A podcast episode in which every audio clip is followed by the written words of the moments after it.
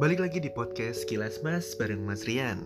Nah, karena kali ini malam minggu maka kita akan balik lagi di sesi Kotak Cinta Yang akan membicarakan hal-hal mengenai perihal cinta, hubungan, dan perasaan manusia.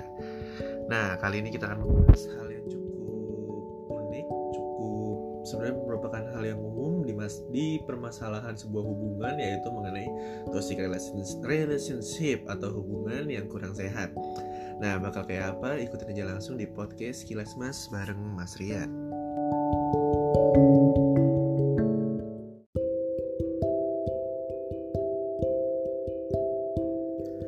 Di sesi kotak cinta kali ini kita akan bahas uh, yang namanya yaitu toxic relationship atau hubungan yang kurang sehat. Nah, untuk disclaimer teman-teman ini merupakan uh, uh, diskusi yang aku buat yang mungkin bersumber dari pengalaman, bersumber dari uh, observasi dan juga hal-hal yang sebenarnya terjadi di sekitar lingkunganku. Jadi jangan disamakan ketika uh, apa yang aku bicarakan di sini menjadi sebuah hal yang generalisir atau sebuah hal yang disamaratakan dengan semua hubungan dan kondisi di luar sana. Tapi ini mungkin cukup mewakili beberapa hal yang kita sebut sebagai toxic relationship. Nah, pertama kita akan membahas bagaimana sih kira-kira hubungan yang kurang sehat itu seperti apa atau seperti apa sih toxic relationship. Nah, yang pertama, menurut aku, toxic relationship adalah ketika kamu merasa lebih banyak disakiti daripada mencintai, daripada dicintai ketika kamu bersama dengan pasanganmu.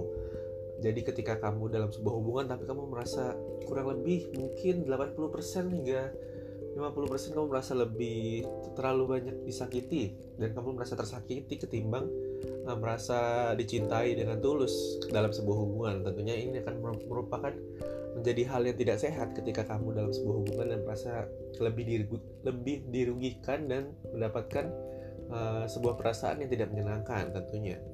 Nah kemudian ciri-ciri yang kedua yaitu adalah ketika pasangan kita atau si dia sering meremehkan dan mencela kita. Ini merupakan sebuah hubungan yang tidak sehat ketika pasangan kita justru tidak memberikan support yang baik, tidak memberikan sebuah dukungan yang baik, malah kebalikannya yaitu memberikan sebuah hal-hal yang negatif seperti meremehkan, mencela, dan bahkan menjatuhkan kita sebagai pasangannya. Dan tentunya ini akan menjadi sebuah hal yang sangat tidak sehat dalam sebuah hubungan ya teman-teman. Kemudian selanjutnya adalah ketika pasanganmu terlalu posesif.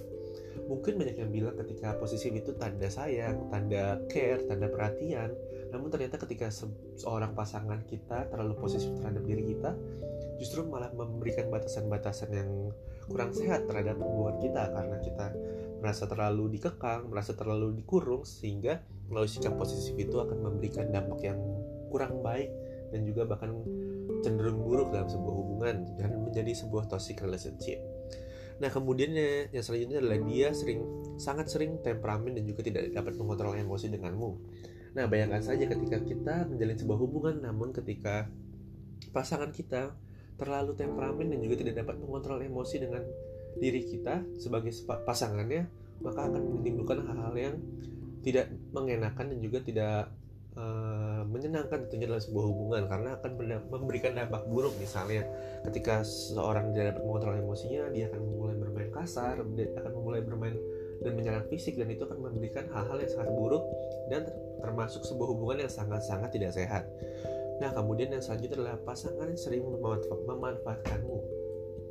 Ketika kita menjalin sebuah hubungan, tentunya kita akan membutuhkan sebuah namanya simbiosis mutualisme ketika kita saling-saling kita sama-sama saling menguntungkan ya teman-teman. Namun, ketika kita hanya dimanfaatkan secara sepihak, maka hal tersebut dalam sebuah hubungan menjadi sangat-sangat tidak sehat dan menjadi sebuah toxic relationship. Nah, mungkin itu ciri-ciri yang bisa aku sampaikan kali ya ke teman-teman dan aku ingin mengingatkan bahwa sebenarnya kenyamanan dan kebahagiaan kita kebahagiaan atas diri kita sendiri itu harus kita dorong dan juga kita uh, wujudkan melalui diri kita sendiri terlebih dahulu sehingga kita harus mengutamakan bagaimana kebahagiaan dan juga kenyamanan diri kita sendiri khususnya dalam sebuah hubungan dalam sebuah relasi tentunya kita harus mementingkan diri kita terlebih diri kita terlebih dahulu karena jika kita ingin menyenangkan orang lain kita harus dapat menyenangkan dan memberi kebahagiaan bagi diri kita sendiri dulu. Nah, tentunya kenyamanan dan kebahagiaan itu merupakan tanggung jawab kita masing-masing. Dan juga jangan sampai kalian terpaku ataupun terlalu bergantung pada pasangan kalian untuk mencapai kebahagiaan tersebut. Karena takutnya nanti juga akan menimbulkan hal-hal yang kurang memenuhi ekspektasi kita. Tentunya kita juga harus mengetahui bagaimana toxic relationship itu dan juga kita harus tahu bagaimana caranya kira-kira keluar dari hubungan yang tidak sehat itu. Nah mungkin itu dulu deh. Dari aku untuk berbagi mengenai apa itu toxic relationship dan juga bagaimana kita cara mengatasi dan juga kita harus berani keluar dari sebuah hubungan yang tidak sehat. Mungkin itu dulu kali dari aku di sesi kontak cinta ini.